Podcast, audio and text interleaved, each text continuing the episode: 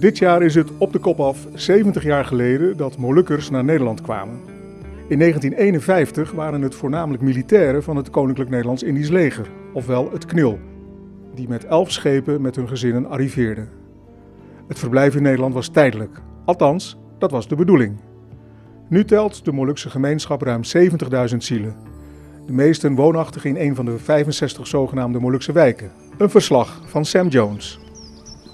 Ik ben vandaag weer in de Molukse wijk Capelle aan de IJssel. Waar in 1984 een ware confrontatie tussen de ME en Molukkers plaatsvond. En die actie had alles te maken met huisuitzettingen. Een issue dat nog steeds actueel is. Maar ik ga ook langs bij uh, tante Frida Tomasoa, een belangrijke persoon.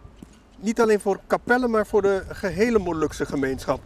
Nog steeds een pittige, strijdbare tante. Kijk, het geweld doe je niet om een ander zomaar kapot te krijgen. Nee, in de context van de geschiedenis moet je dat zien. En ik kom nog uh, veel meer mensen tegen in deze Molukse wijk, Capelle aan de IJssel. Die getekend is door de roerige geschiedenis. Tegenwoordig een heel rustige wijk. En Roy Tenu die geeft mij hier een rondleiding in de Molukse wijk Capelle aan de IJssel. De wijk op zich is een, uh, een klein dorpje. ja, voor ons een thuishaven. Het gemeenschapsleven, dat is het, uh, de kern van ons zijn. Uh, daarentegen, ja, we zitten in een maatschappij die meer op de individu gebaseerd is. Op het moment dat we hier rondlopen in het kleine Molukse dorpje, spelen dus nog steeds kwesties rond huisuitzettingen. Een heikel onderwerp. Officieel mag je als kinderen of als kleinkinderen niet in het ouderlijk huis blijven wonen. En dat leidt nog steeds tot botsingen en protest. Je ziet hier op veel huisramen de tekst: Wij zijn tegen huisuitzettingen in kapitale letters. Met Eddie Patty van de Molukse woningcorporatie Stichting Wallang die in zwaar weer verkeert, loop ik nog een stukje de wijk in. En, ik, ik, kom net aanrijden en dan zie ik zo'n spandoek. Hè. Uh, Balang is van ons, staat er. En dan zeg ik van als, als, als het echt is wat je meent, dat het zo staat, Balang is van ons, dan moet je met elkaar praten. De rust is nog niet helemaal teruggekeerd. Nou, ja, ja, nee, kijk, de rust is pas teruggekeerd als alles op papier staat. Hè. Als de handtekeningen eronder staan enzovoort, uh, enzovoort dan is de rust uh, uh, weergekeerd. Hoe ernstig was het eigenlijk? Want uh, het was best wel heftig de afgelopen tijd. Ik kan me voorstellen dat je zegt, we, we zitten niet te wachten dat, dat jonge gezinnen uit de, de woning worden, worden, uh, worden gezet.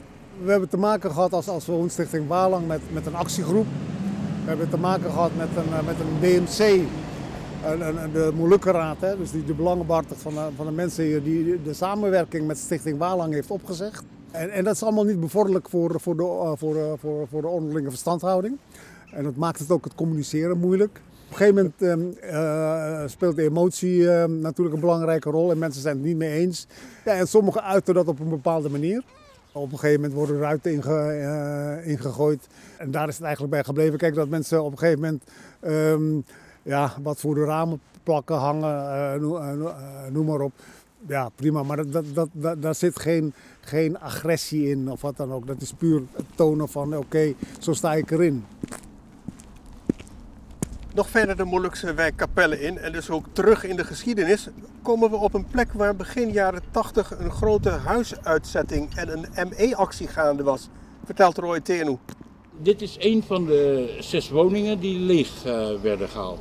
De wijk uh, werd begrendeld, hoop uh, politie aanwezig om de deurwaarder te ondersteunen met de gezinnen uit huis te zetten. Oostgaarde, Capelle aan de IJssel. Het is woensdag 4 januari 1984. De buurt is een oorlogsgebied. Wapengekletter, geschreeuw. En dan klinkt er een pistoolschot. Een man valt gewond op de grond. Een bewusteloos geslagen politieagent wordt door collega's beschermd. Het is een ware veldslag. Dit is het vergeten verhaal van de huuropstand in de Kapelse Molukkenbuurt. De regionale omroep Rijnmond besteedt er aandacht aan. Vooral jonge Zuid-Molukkers hebben de ontruiming van de woningen willen voorkomen, maar ze stonden tegenover een groep van ruim 100 ME'ers. Toen de ME naar een van de woningen trok, werden met een brandende molotovcocktail naar de politiemannen gegooid. Ja, ja, ik was er ook bij. Ja. Wat deed je? Ja, de ME opwachten natuurlijk. met stokken, met uh, stalen buizen. En uh, goed, als je die foto's terugkijkt en beelden, ja goed, uh, was zeer heftig natuurlijk. En toen zagen we een aantal dagen al de politie door de wijk rijden. En om de wijk heen, gewapend met kogelvrije vesten. En dat is net rode lap eigenlijk voor, voor een stier dan. en ja, dat heeft ons eigenlijk gemotiveerd om hen te beschieten. Eddie Patty kan zich de situatie uit 84 nog ook goed herinneren. Kijk, wij kwamen toen de tijd vanuit het kamp IJsseloord. In IJsseloord betaalde je ook huur. Maar dat waren maar een paar guldens, hè? dat was nog in de gulden tijd. Houten barakken? Houten barakken en dergelijke. Dan kom je op een gegeven moment naar, naar dit soort woningen. dan moet je op een gegeven moment een huur betalen. En mensen zijn daar niet op voorbereid. Nou, mijn vader leefde toen nog. En als hij dan naar zijn broer gaat in, in Vught, in het kamp Vught. En uh, dan vertelt hij dan van, ah, ik woon in zo'n huis enzovoort enzovoort. En dan betaal ik een niks bedrag. En zijn broer in Vught, die had zoiets van, ja, maar dat, dat bedrag betaal ik niet. Uh, we zijn nu 70 jaar hier in Nederland. De opvang was natuurlijk niet denderend. Toen de tijd kwamen we in, in, kampen terecht. In in voormalige concentratiekampen. En ja, dan, dan voel je als kind heb je dan daar nog niet echt het besef van. Maar op het moment dat je dus uh, inderdaad uh, beseft van hé, hey, waarom zijn we hier eigenlijk? Waarom, waarom uh, wonen we hier eigenlijk? Dan ga je nadenken en dan, denk, dan zie je de pijn van je ouders.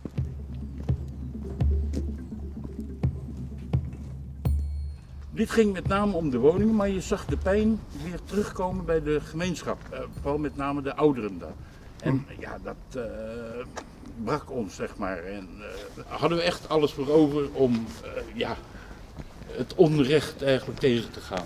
Inmiddels hebben Molukkers toch wel zelf het heft in handen genomen als het om de woningen gaat. De Molukse wijk Capelle aan de IJssel bestaat al 50 jaar. En al die tijd is er nog maar één keer een onderhoudsbeurt geweest, vertelde Eddie Patty van de Molukse Woningstichting.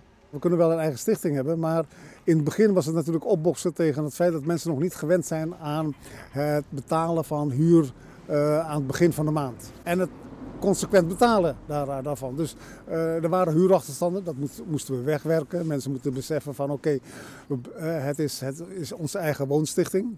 En daarnaast is het het is een kleine woonstichting. we hebben, zijn maar 156 woningen. We hebben niet ergens anders nog meer projecten waarbij we zeggen van joh, eventuele uitgaven hier kunnen we dekken vanuit andere projecten. Dus, dus, dus dat, dat, betekent op een gegeven moment dat je met je eigen middelen moet je gaan kijken hoe kan ik nou geld opzij leggen om groot onderhoud te, uh, te financieren. Dat is niet altijd even makkelijk, want als je in deze wijk woont hè, en je zit in het bestuur van, uh, van Walang en je neemt een besluit van een gezin moet uit de woning en je woont hier ja, dan kan ik me voorstellen, die druk is dan zo immens. Dat, dat, dat... En de vraag is op een gegeven moment van, hoe gaat dat in de toekomst? Roy Tenu en Eddie Patty zelf wonen buiten de wijk. Maar ze zijn lang niet de enigste Molukkers die buiten de wijk wonen. Er zijn meer mensen buiten de wijk dan in de wijk. Het is dankzij de wijk dat wij Molukkers zijn. Toch heb je de, de, de verbondenheid. Hè. We hebben de kerk, we hebben het ontmoetingscentrum. Ik heb hier broers en zussen wonen. En uh, ja, de meeste mensen ken je. Dus het gaat ook om de verbondenheid. Het gaat om de gemeenschap. Je zit in mijn roots. In 1984 was mijn vader ook, uh, zit ook in een actiegroep. Uh, ik werkte toen bij de gemeente en dan denk je van, nou ja, wat moet ik nou doen? dat, soort, dat soort dilemma's zit je.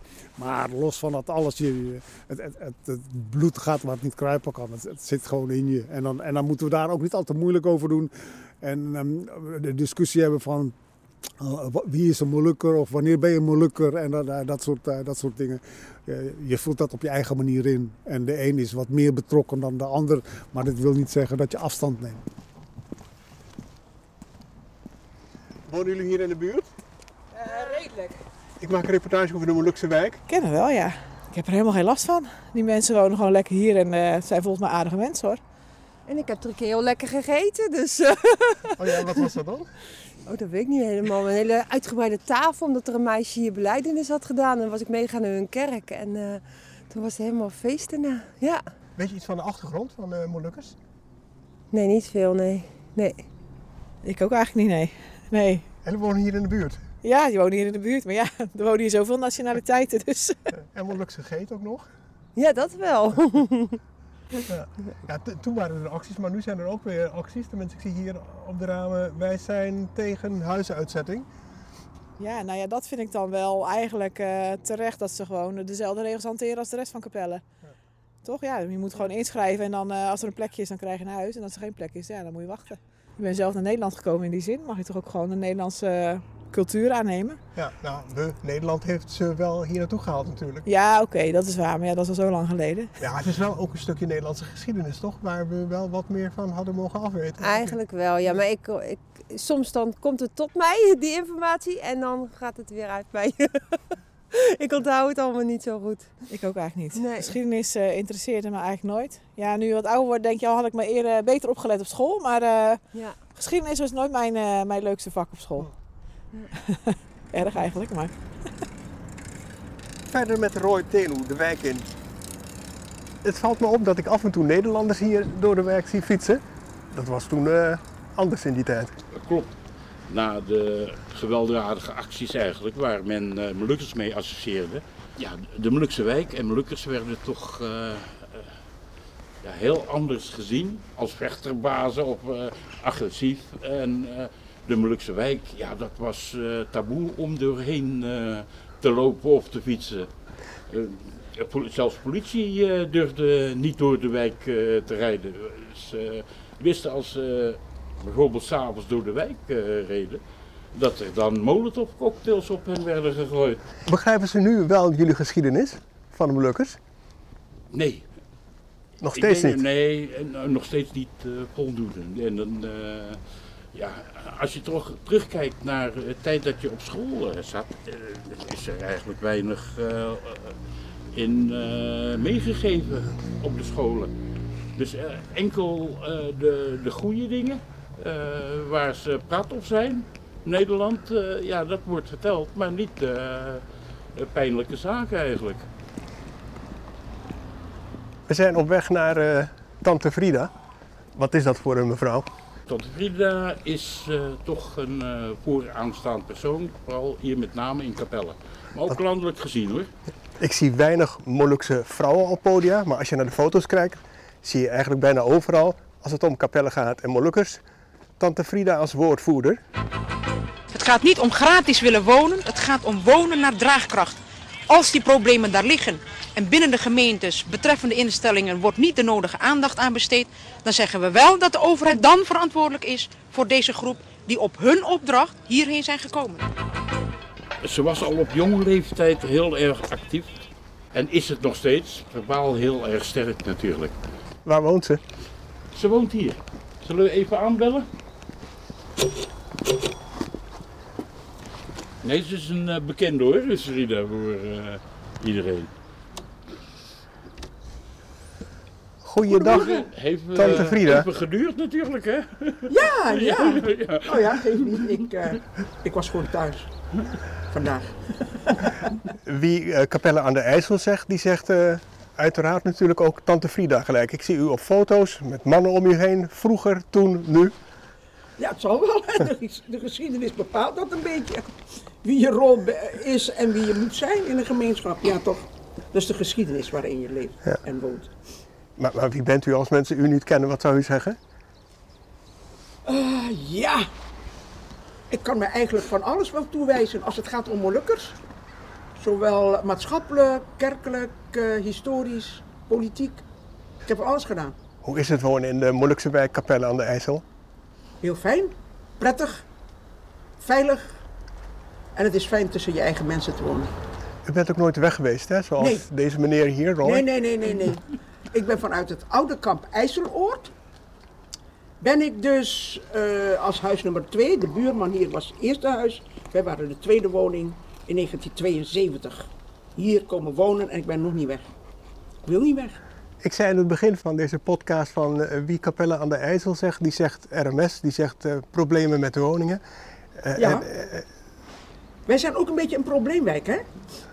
Probleem in positieve zin als het gaat om Molukkers. Want het gaat nog steeds om ons aankomst, ons verblijf En de woningen zijn een deel daarvan. Wij blijven nog steeds zeggen, de claim die wij hebben op ons Molukkers zijn, is tot nu toe door de Nederlandse overheid nog nooit goed ingevuld. Als ik nu zeg niet goed, kijk maar naar de woningen. We hebben dat toegewezen gekregen in 1993 bij Stichting Wallang. En nu uh, vorig, uh, kregen wij dus per 1 maart de berichtgeving dat uh, Walang zich heeft opgeheven. Dat komt ook als een donderslag bij heldere hemel. En dat zet ons nu tot grote vraagtekens. Waarom?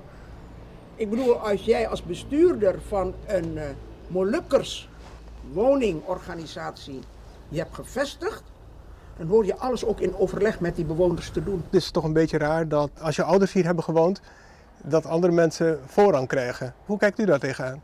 Nou, dat is een van de slechte punten die wij merken als bestuurders, dat zij in verzaakt hebben. Er is een toewijzingsbeleid, logisch zeg ik.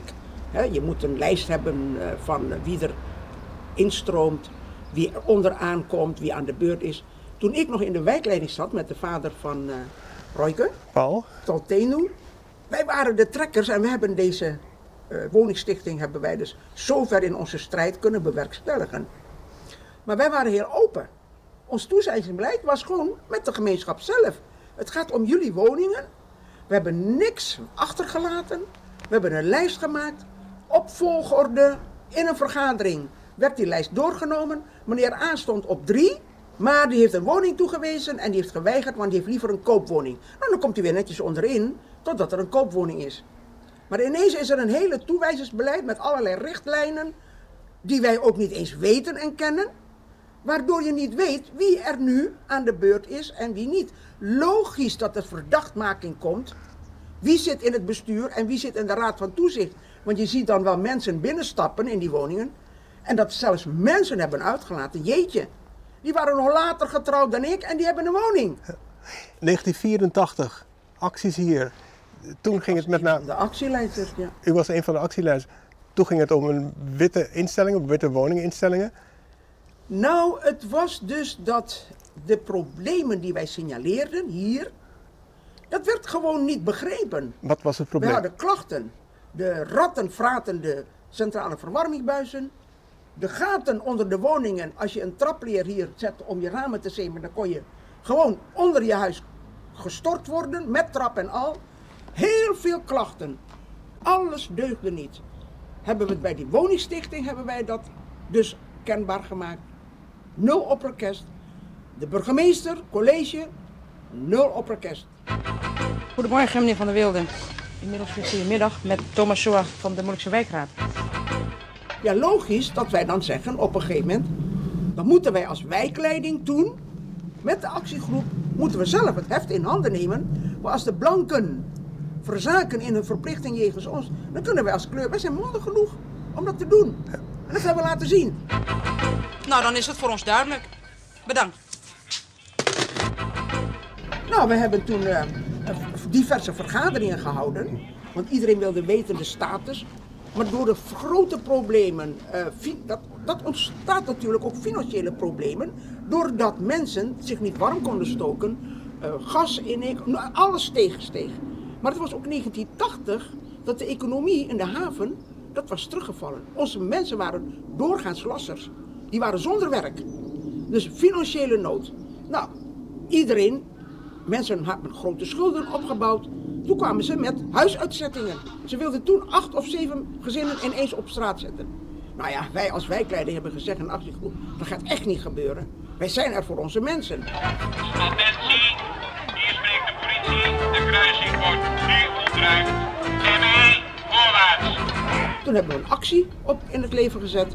Wij gaan geen huren betalen rechtstreeks aan de coöperatie. We hebben toen een eigen account opengesteld bij de bank en daar kwamen de huurderspenningen komen daar binnen. Nou, op een gegeven moment hebben ze dat niet geaccepteerd. de coöperatie gaat klagen bij het college, noem maar op. Toen dachten ze, nou ja, om ons die uitzetting tegen te gaan, denken ze ME's te kunnen sturen en dat zij zomaar hier konden binnendringen. Maar ja, dan vergissen ze natuurlijk ontzettend. Je komt de wijk niet zomaar binnen, zeker met een ME. En Molukkers kenden die dijzen voor niemand terug. Dan heb je in al die grote demonstraties gezien, de jaren 70 tot en met 84. En zeker als het gaat om rechtvaardige zaken. Wij, wij gaan niet zomaar op de barricades voor niets. Laten we dat voorop stellen. Toen de ME naar een van de woningen trok, werd er met een brandende molotovcocktail naar de politiemannen gegooid.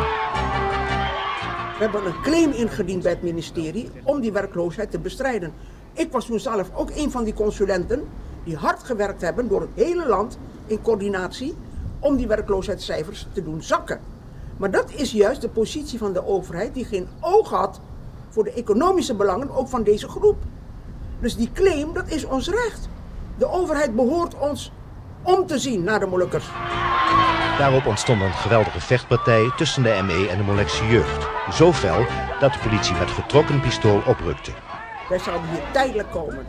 En als ik nabereken, zelfs nu zijn er nog uh, groepen van jongeren die opkomen voor nog schulden van salarissen van onze ouders. Bij het uitbreken van de Japanse bezetting tot aan het ontslaan aan boord hier aan de Rotterdamse haven is geen salaris betaald. Hoe kijkt u daar tegenaan? Schandalig! Schandalig. En ik vind op zijn minst dat ze dit, dit jaar, zeker het nieuwe kabinet en de burgemeesters die dat convenant hebben getekend, waarin zij erkennen het leed en verdriet, maak dat maar ook in orde. Maak dat ook in orde.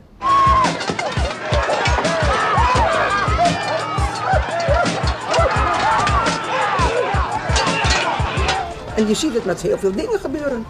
Je ziet nog, wij, wij zijn hier mondig als kapellen. Ik zeg ze, ik ben blij met deze wijk. Ik ben trots op deze jonge lui die nu optreden voor de belangen van hun, uh, hun wijk. Maar ook voor, bijzonder voor hun gemeenschap. De jongen werd met een schotwond in het rechte scheenbeen door de GG en GD naar het ziekenhuis gebracht. Vijf agenten raakten bij deze vechtpartij ook gewond. Ook de bakermat van, van de RMS in Nederland? Oh zeker. Ja, ik bedoel, als we het politieke gedeelte raken, dan kan ik boekdelen opentrekken waarvan ik denk. Wat is het belangrijkste? Ik vind dat ten tijde van die treinkapingen, de overheid, vooral bij die laatste treinkaping, die tweede, waarin ik durf te zeggen dat Van Acht de grootste fout heeft gemaakt aller tijden voor de Nederlandse overheid, om het bevel te geven om die trein aan te... Hij ontkent dat, maar ik zat in die onderhandelingscommissie. Ik zat met hem aan tafel. De eerste zat Den Uil aan tafel als premier. Bij de tweede van acht. De, de situatie bij Den Uil was prettiger. Hij wilde naar ons luisteren. Maar toen we bij Van Acht binnenkwamen, ik zat bij allebei de commissies, ik ben de enigste overlevende nog van beide commissies. Van Acht ontving ons, maar die houding was alsof wij voor een tribunaal zaten. Van jullie zijn schuldig en jullie lossen het maar op. Hij ontkent zelfs, hè? Natuurlijk, dat lees je nu uit de processen. Die door Van Zegveld is aangekaart naar de Nederlandse staat. Hij blijft ontkennen. Maar waarom, als hij zuiver is? Toen die film Dutch Approach gemaakt werd. Om die hele treinkaping uh, historie weer in beeld te brengen. Hij dorst niet naar die eerste uh, voorstelling te komen van die film. Hij was bang. Ik zeg, als je eerlijk bent, hoef je niet bang te zijn. Maar dat is echt typisch ook wel ja, de houding van een Nederlander, vind ik. Schermen achter zaken. Hoe belangrijk is dat, dat RMS-ideaal voor u uh, op dit moment nog? Het gaat niet of wij teruggaan. Het gaat om de onrechtvaardigheid wat geschied is. En Nederland steekt overal. Ik heb gelobbyd internationaal voor de RMS. Ik heb bij de VN-subcommissies gezeten. Ik ben lid geworden zelfs bij missie. Via NGO's in andere volkeren die onderdrukken. Ik heb gezien de strijd van volkeren. Ik zat in New York. Ik zat in Washington DC om uit te vogelen hoe juridisch zaken staan. Nederland als ergens in een commissie een volk ter sprake wordt gebracht dat onderdrukt werd, Nederland steunt en met zijn rechterhand. En dan was ik altijd die naar die commissie liep en zeg: hé, hey, kijk eens naar mij, wie ben ik? Heb je ooit je hand opgestoken voor ons? Dan is het stil. En dat vind ik het schandalige van de Nederlandse overheid tot nu toe. Overal ter wereld lopen ze voorop, slaan ze op hun borst.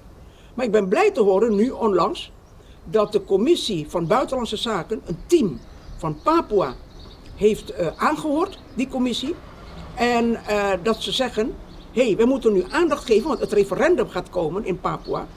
En dan denk ik, gelukkig dat minister Blok die commissie met de leiders van de Papua te woord heeft gestaan. En ik denk, we moeten misschien ook eens Blok opnieuw uh, met die commissie gaan praten om deze zaak van ons aanhandig te maken. Ziet u nog een lichtpuntje? Tuurlijk. Ik kom regelmatig op de Molukken. Ik weet hoe het ons mensen daaraan toe gaat. Je kan lang een volk onderdrukken, maar niet altijd. Maar als je ziet ook het bestel in Jakarta, de opstand, economische opstand, niet eens politiek, maatschappelijke opstand over heel Indonesië. Ik ben getrokken als Java, Sumatra, Sulawesi. Ik heb gezegd, ik strijd voor mijn volk, maar ik moet ook weten hoe het in Indonesië gaat met andere volkeren. Want dan kan je een goed beeld scheppen hoe jouw eigen land, Molukken, op een bepaalde wijze onderdrukt wordt. U bent nog steeds altijd even strijdbaar. Oh ja, nou ja voor, voor mijn volk, wat terrein dan ook, ik, ben, ik blijf strijdbaar. Ik zeg, zolang God mij de kracht geeft om dat te doen, blijf ik het doen. Dat is mijn, dat is, dat is mijn plicht ten aanzien van mijn mensen daar. Je moet daar komen om te zien hoe wij onderdrukt worden. Anderen komen binnen, eten ons eten van ons bord. Ze vernielen onze culturele zaken. Mooie dorpen met eigenschappen, eh, culturen. Alles wordt gewoon weggemaaid. Ten behoeve van die de onderdrukkers. Die halen onze rijkdommen weg. En de mensen zelf krijgen niks. Nou, als je daar bent, is het om te huilen. Ik vind het echt, als ik daarover begin, kan ik emotioneel worden. Omdat je daar regelmatig komt en je ziet dat. En wij hier, wij strijden, maar ik denk niet goed genoeg. Wij moeten de politiek meer bestrijden. We moeten de Nederlandse overheid meer aanspreken. Maar ook internationaal, die lobby, want dat moet gepaard gaan. Wordt u er niet moedeloos van? Nee, ik blijf altijd geloven in hoop. En dat is ook een stukje het christen zijn. Het geloof hebben dat wij niet voor niets naar Nederland zijn gekomen. Ik zou blijf altijd zeggen, onze komst naar Nederland is Gods bedoeling. Als wij er hier niet waren, en wij waren allemaal daar, had niemand in de wereld kunnen horen over ons. Tante Frida heeft de actie Wassenaar, de bezetting van de Indonesische ambassade, natuurlijk ook meegemaakt. Ja, ja, dat is ook een historie op zich. Ik was toen nog student en ik wist dat Suharto zou komen. Toen dacht ik, Nederland, wat zijn jullie toch een stelletje sukkels. Jullie halen onze grootste aardsvijand, nodigen jullie uit. Hebben jullie nog geen enkele respect voor ons met de historie die wij jullie hebben aangeboden? Om jullie te kunnen laten regeren Indonesië berusten op ons. En dan halen jullie onze aardsvijand binnen. Dus de jongeren door heel Nederland waren woest. En toen dachten wij, kapellenaren, wij, eh, ik was toen lid van de staf van de Molukse Ordedienst, samen met uh, Boem Paul Tenu, was voorzitter. Ik was een van de jongsten in het bestuur. Vader van Roy? Ja, vader van Roy. En ik was de enige vrouw. Maar ja, ik ben overal een beetje de enige vrouw. maar in ieder geval, we zeggen op een gegeven moment, we moeten onze stem laten horen. Dat we erop tegen zijn. Demonstraties niet. Laten we iets daadkrachtigs doen. Het is tegen Indonesië. Nou, toen hebben we de jongeren bij elkaar gehaald. Ik mocht van uh, Boem Paul, de vader van Roy, niet te veel op de voorgrond, want ik studeerde nog. Hij zegt, pas op, straks als er wat is, dan word jij opgepakt. Maar je moet je studie afmaken. dus dat was ook nog wel. Bezorgdheid. Ja, bezorgdheid, ja. Maar ik wist precies wel wat er gebeuren zou. Dus zou de ambassade zou bezet worden. Dus alle jongeren werden. Uh, de avond voor vertrek zijn ze allemaal in het huis van Bompal Tenu geweest. Daar hebben we gebeden. Daar heb ik ook nog gestaan met de hele groep. Zelfs mijn broer was de expeditieleider. Bent u mee geweest? Nee, nee, nee. Ik ben verboden. Dus ik bleef thuis en ik zag hun wegrijden uh, in de ochtend. Dat was aan de ene kant wel iets wat daadkrachtig is. En later, toen dat gebeurd was, deed het me wel wat. In die zin, ik was met de heer Apono. Uh, moesten wij alle ambassades in Den Haag om vijf uur s morgens moesten we al voorzien met petities. Met waarom dat gebeurd is. De secretaris van de Banapersatoen, van het overkoepelend orgaan, die woonde toen in het oude kamp. En hij zei, Frida, morgen vijf uur haal ik je op. Hij met zijn kevertje, en toen hebben we de heer Etty Apono, ook Weilen, opgehaald. Etty en ik hebben, jeetje, ik weet niet eens, honderd zoveel ambassades in de ochtend te voet, want er was helemaal geen vervoer. Allemaal van petities. En toen we net klaar waren, televisie aangezet in onze hoofdkantoor in de Bazaarstraat 50 in Den Haag, zagen we de jongens dat ze zich overgaven. En dan zag ik dus, toen was Manu Sama en uh, Mitiari en Ompik Lekolo, wij zaten allemaal op Bazaarstraat met Boem Paul. Die ook en, allemaal een roots hebben met Capelle, ja, een link hebben met Capelle. Nou niet allemaal, nee. maar die woonden ook in Den Haag deels. Mm -hmm. En Mitiari was toen voorzitter van ons landelijk uh, maatschappelijke instelling. Niet iedereen wist daarvan, maar dat hebben we bewust ook gedaan. Het is een jongerenactie. Nou ja, Manusama die altijd voor vrede en dit soort geintjes niet dulde, vooral toen hij hoorde dat iemand overleed en dat had niet mogen geboren. Dus je had een heftige discussie onderling. Logisch, hè? niet iedereen staat op dezelfde manier in hun leven.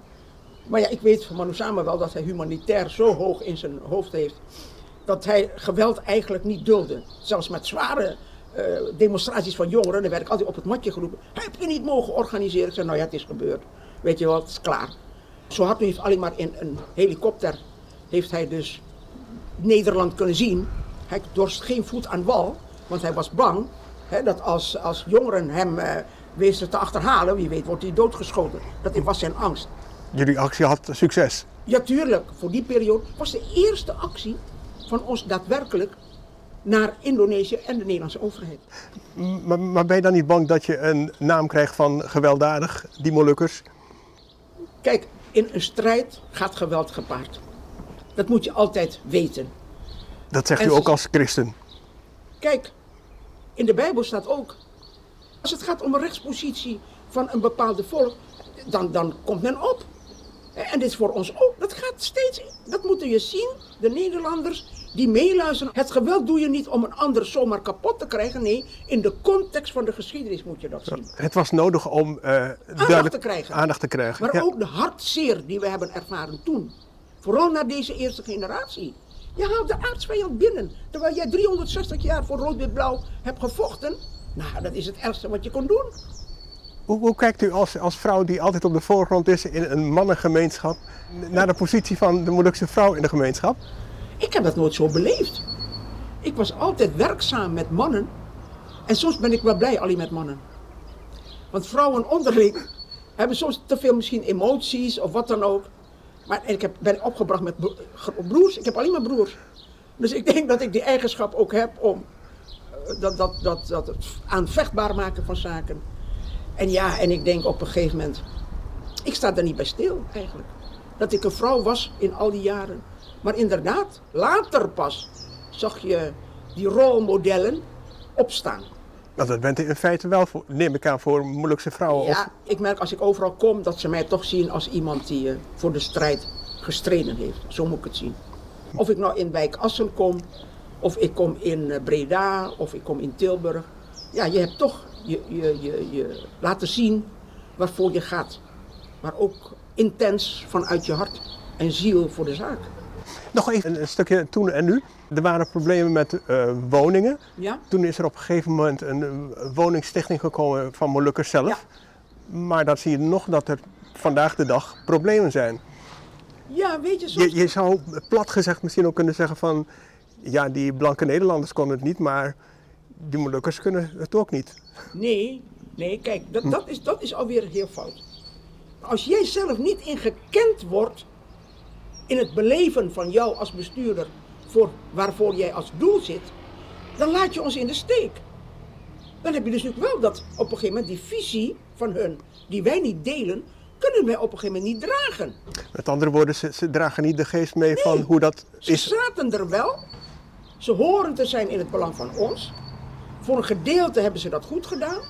Maar ze hebben ook heel veel gedeeltes verzaakt. Waardoor wij nu in deze positie zijn gekomen.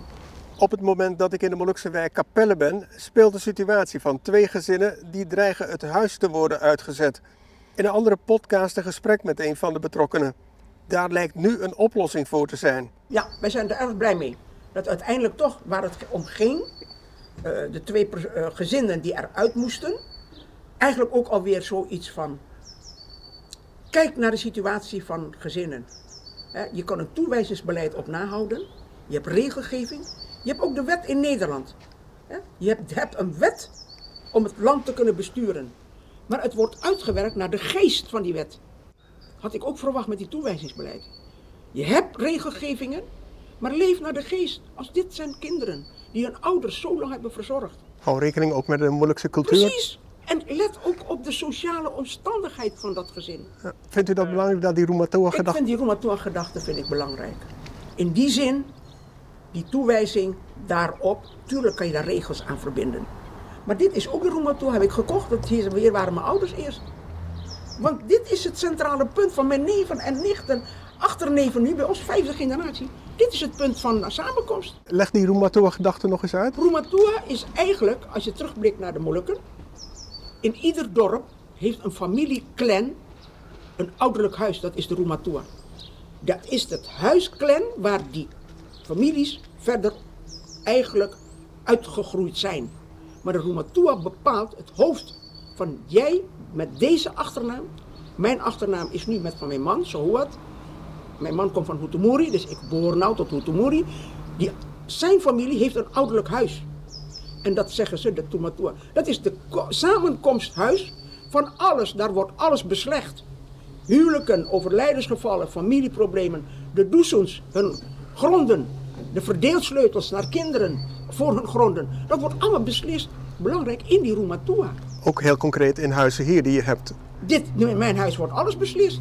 Ik had laatst uh, dat uh, mijn neef zegt, nou tante Frida, uh, met die lig ik een beetje... Hé, hey, je komt samen bij mij en morgen ben je er. Samen bij u in uw huis? Ja, praten we het uit, klaar. Ja.